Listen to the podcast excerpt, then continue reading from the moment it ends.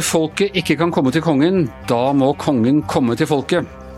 Og den største eh, forbrytelsen i amerikansk historie er i ferd med å bli avslørt. Hør mer om den og andre moderne paranoide amerikanske folkeeventyr i denne mandagens utgave av Giæver og gjengen. Eh, velkommen til dere, Hanne Skartvedt og Per Olav Ødegaard. Tusen takk. Takk, takk. Det er 18. mai i dag, ofte en litt tung dag, men vi er fylt av uh, nyelevert nasjonalfølelse, er vi ikke det, Hanne? Jo, og jeg vil også si at 18. mai var verre i tidligere tider. Det uh, ja. er litt lettere for hvert år som går. Og nå snakker du om personlige tidligere tider enn i tidligere ja. tider for nasjonen? Ja, ja personlige tider. I yngre år er kanskje riktig å si. År. Men det er, altså, vi hadde, denne 17. mai var jo litt sånn uh, Vi nærmest grudde oss litt, for det skulle ikke være barnetog, og det var så mange ting. og, og Eh, er jo blitt dratt paralleller til under krigen og sånne ting. Men alt i alt så kom denne 17. mai ganske godt i mål, vil du ikke si det? Jo, jeg må si jeg syns det var en veldig, si, en veldig 17. mai-aktig 17. mai. Mer enn de siste årene jeg kan huske, for det var så spesielt. Og vi var veldig lurte på hvordan det skulle bli, og det var høytid. Eh, da jeg satt foran TV-en, eller sto rett og slett foran TV-en klokka ett og sang 'Ja, vi elsker' sammen I Manglerudbunad. Manglerudbunad. Og sang 'Ja, vi elsker' sammen med eh, en gjeng med ungdommer, som jeg sier at da ble jeg veldig, veldig ja. rørt, altså. Og eh, Det er litt sånn, altså nettopp det at vi har vært gjennom den der koronatiden som har gitt en jeg vil si, svært liten smak av eh, hvordan det var å ha sittet bak blendingsgardiner i, i, fem år, som nasjonen da eh, hadde under krigen. Hele frigjøringsjubileet som igjen har eh, gjort oss litt mer oppmerksom på og, og eh, hva skal jeg si, revitalisert tanken om hva, hva dette dreide seg om. Og det faktum at uh, kongen må ha dratt et av de, eller kongefamilien må ha dratt et av de større og mer vellykkede PR-stuntene i moderne kongehusfamilie? Ja, og jeg vil nesten ikke bruke ordet PR-stunt, for jeg vil si at dette er en sånn genuin handling fra kongefamilien, hvor altså kongen og dronningen setter seg i denne gamle sportsbilen uh, som han fikk i 1939. Uh, faren hans. Og A1, som, den, A1, som er ja. nummerskiltet. Ja. ja. Eh, og drar, når folk ikke kan komme til dem, så drar de til folket. Og det var helt rørende. De skulle jo kjøre oppover bakken på Kampen, og da de, kunne de ikke stoppe midt i gata ved sykehjemmet, for da ville ikke bilen starte igjen. Så gammel er den. Så de kjørte helt opp i videre fart. Nei, men det var et syn å se hele kongefamilien kjøre forbi overraskede kafégjester og andre folk rundt i Oslo sentrum. Men når jeg sier, altså kanskje litt, eh, jeg vil ikke si majestetsfornærmende, men litt uærbødig å si PR-stunt, men Altså, eh, Et av de fremste symbolene på, på, vårt moderne kongehus er jo da kongens far, Olav, under oljekrisen i, i 1973 eller 74 eh, tok trikken for å gå på ski. og Dette bildet har vi sett utallige varianter av. Det var jo en planlagt sak eh, den gangen. Alle avisredaksjonene var tipsa om det og sto klar til å ta bilde av hver. Hver avis har sine bilder av det. Og dette er jo også Det slår meg litt på en måte er at, at, ingen spekulerte i at dette kunne skjedde, er liksom eh, hva skal du si, kommunikasjonsavdelingen på Slottet enda litt smartere enn eh, oss i pressen? da? er Hva som har skjedd bak kulissene her, det er ikke godt å si. Eh, men det er klart, dette var jo nok nøye planlagt fra kongehusets side. Og det forteller noe om kongehusets evne til å være i takt med folket, og til å treffe tidsånden, enten det er kong Harald som går i boblejakke på Vestlandet og har vært flom der, eller det er 22. juli hvor han er hele Norges bestefar og står på en måte og gråter på vegne av oss alle, så er det norske kongehuset, som jo er valgt i en folkeavstemning i 1905, er bare en eh, fantastisk konstruksjon, vil jeg si. altså. Men jeg tenker også hvis du er kongehus og kongehusets kommunikasjonsavdeling da, og setter deg og tenker hva kan vi gjøre? De kan ikke det er ikke barnetog. Eh, hva kan vi gjøre? Da har de på en måte to valg. Enten kan de si at nå skal kongen for en gangs skyld, han er tross alt over, godt over 80 år, kan for en gangs skyld få ta det litt rolig på 17. mai og bare sitte og drikke et glass champagne i hagen og sånne ting. Eller vi kunne finne på noe og da var ikke den ideen sånn veldig far-fetched. Det var en ganske snublende nær idé, var det ikke? så du mener at vi har vært litt sløve, Anders? Kanskje nei, ikke sløve, nei, men jeg, jeg, jeg, mer tenker at det er eh, Vi lar oss ganske lett begeistre over, eh, over, et sånt stunt. Nei, jeg, jeg, tenker bare at denne, Vi visste jo at denne 17. mai ville bli veldig, veldig annerledes. Og, og det at det ikke når man ikke kunne ha barnetog, når man ikke kunne stå på Slottsplassen, sånn som veldig mange liker å gjøre, og, eh, så, så, så, valgte på en måte kongehuset å møte dette her ved å reise ut. Altså det, og det at de reiste At de kjørte denne bilen Disse bilene er jo også veldig sånn spesielle, som Hanne var inne på. Det var jo den uh, kong Haakon 7. reiste med gjennom mange av de samme gatene da, i, mai, i, i 1945, når han kom hjem. Og uh, i juni var det. Og, og og så reiste han da først til de bydelene i Oslo hvor det er Eh, størst andel av kan du si, våre nye landsmenn, altså på Grønland, oppover i gamle Oslo.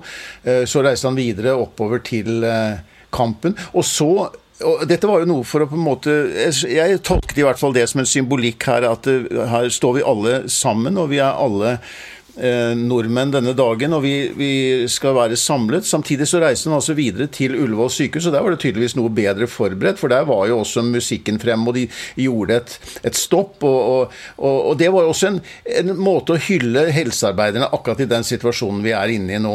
Jeg syns det var veldig fint, og jeg syns det var en måte å vise Når vi skal holde avstand til hverandre, så viste kongen en helt annen nærhet til, eh, til folket.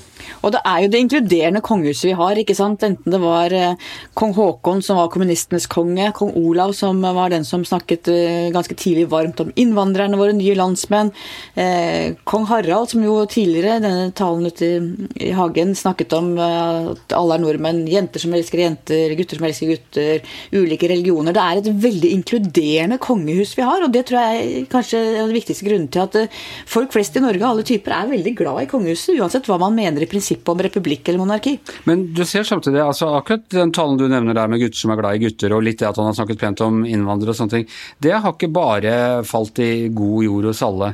Eh, tror du dette her også, at det er noen som reagerer negativt på dette her òg, eller er dette bare feel good-greie? Jeg tror dette bare er feel good, og jeg tror faktisk også at noen av de som har ytra seg litt kritisk til de tingene du var inne på der, de tror jeg heller ikke klarer å slå hånda av kongen og kongehuset, egentlig. Eh, noe av det fineste med dette er jo også den spontaniteten i det. Altså Det er klart det er planlagt fra Slottets side, det er planlagt alt dette, men de som sto langs ruten, ble jo overrasket. Det var folk som satt på en kafé eller gikk langs gaten mm. der, og, og, det, og, og, plutselig så kommer disse, denne kortesjen med åpne limousiner, ikke sant. Det er biler som du aldri ellers ser i gatene, og med de uh, kong, hele kongefamilien, med kronprinsen etter, og kronprinsfamilien etter. Det, det, det, var noe det spontane i det som også gjorde inntrykk. Ja, jeg så det var noen på Facebook som hadde hatt gjester fra USA eller et eller annet sånt, og så hadde de sittet og pratet om det med kongen og 17. mai og alt sånt, og så kommer kongen kjørende vinkende forbi, og det er et ganske godt øyeblikk når man skal vise fram Folkerepublikken. Men spørre deg til, helt til slutt, Hanne. Du er da altså politisk redaktør i antagelig den mest kongetroa avisen eh, sånn eh, tradisjonelt sett eh, i Norge. Stiftet av hjemmefronten.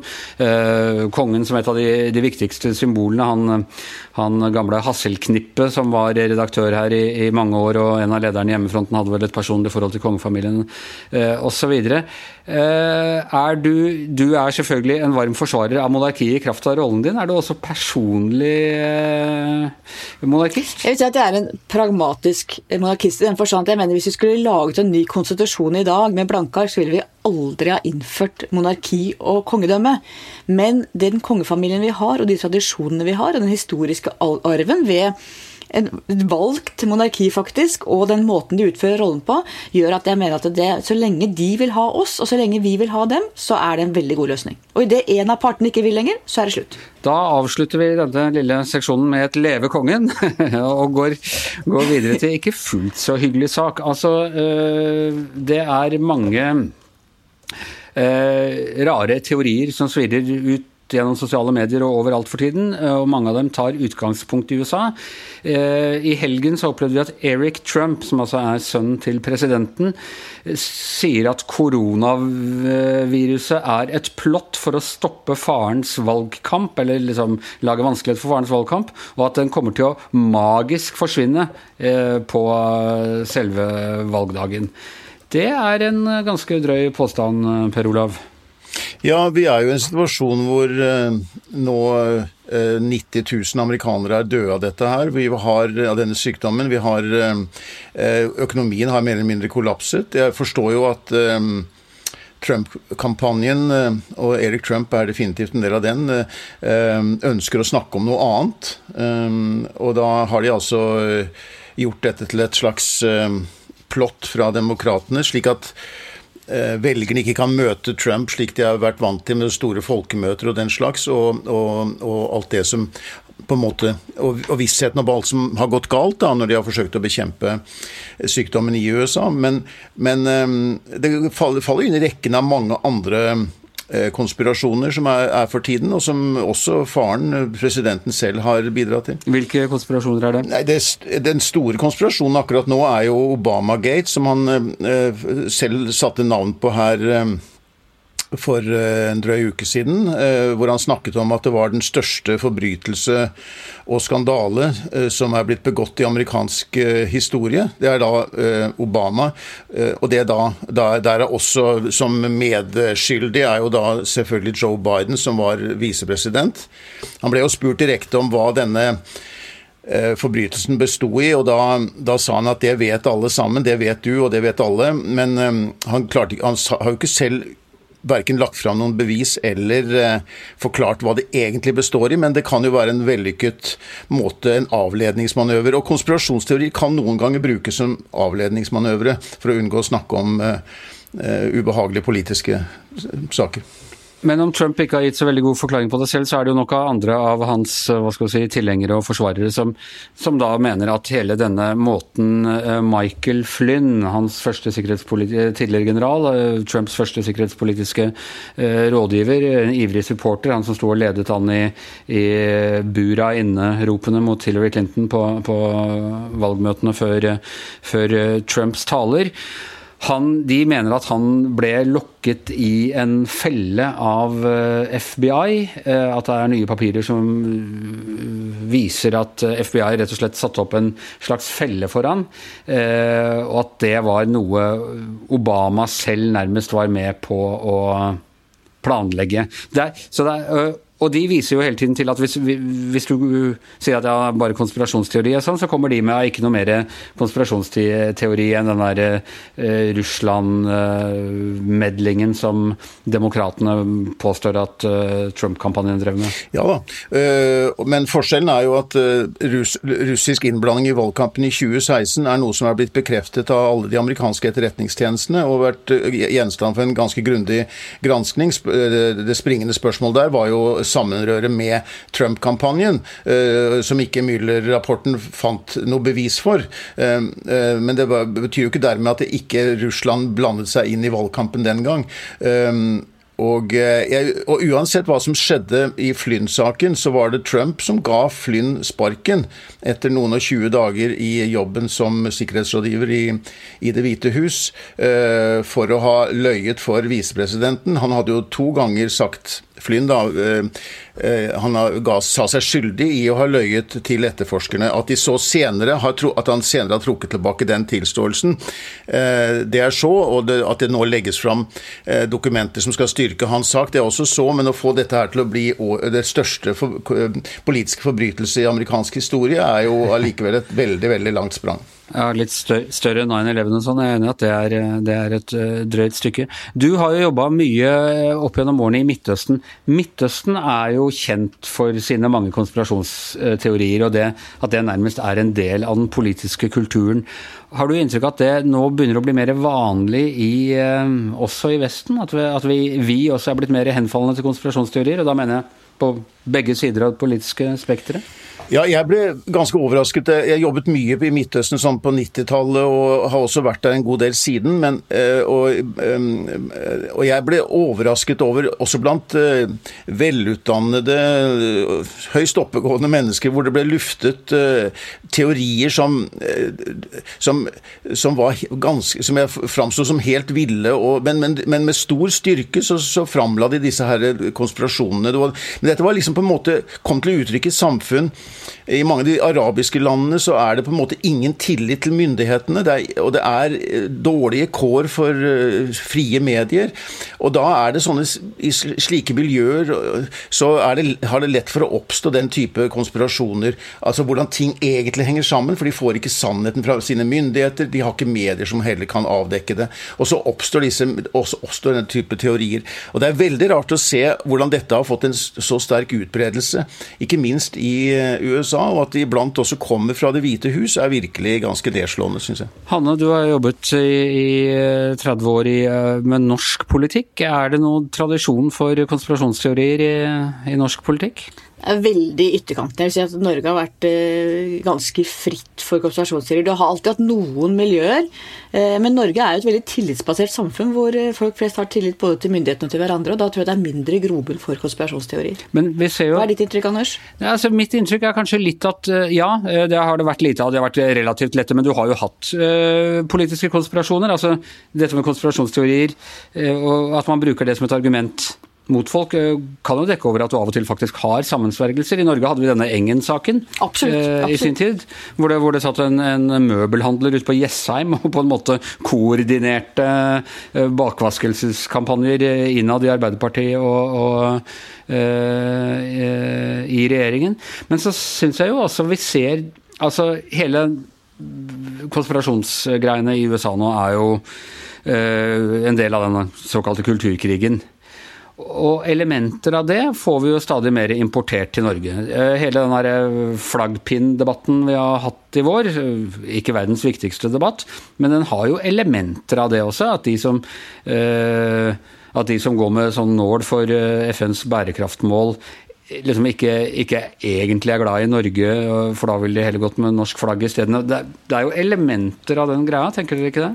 Absolutt, og vi blir jo smitta. Akkurat som hippiebevegelsen kom hit, alle internasjonale bevegelser, det som begynner i USA, det kommer jo hit i mer eller mindre sterk form. og da tror jeg Hvor sterkt det slår inn i det norske samfunnet, er veldig avhengig av hvilken grunnmur vi har i utgangspunktet. Per Olav, tenker du at, at ytre høyre og ytre venstre, at det er noe forskjell der i konspirativ tenkning? Eller altså, tradisjonelt sett så hadde du jo ofte på venstresiden de helt store sånne konspirasjonene om uh, hvordan government og våpenindustrien og, og alle sånne sammensverget seg mot, uh, mot, velgere og vanlige folk? Ja, jeg ser i hvert fall sånn både i, i vår kontakt med uh, lesere, sånn både i kommentarfelt og de som skriver til oss av og til, når vi har skrevet om sånne temaer som skjer, ting som skjer ute i verden, så kommer ofte mange av de samme argumentene fram, sånn som f.eks. at George Soros uh, står bak en lang rekke ting i verden som, som, de tar, som, de da kritiserer ham for.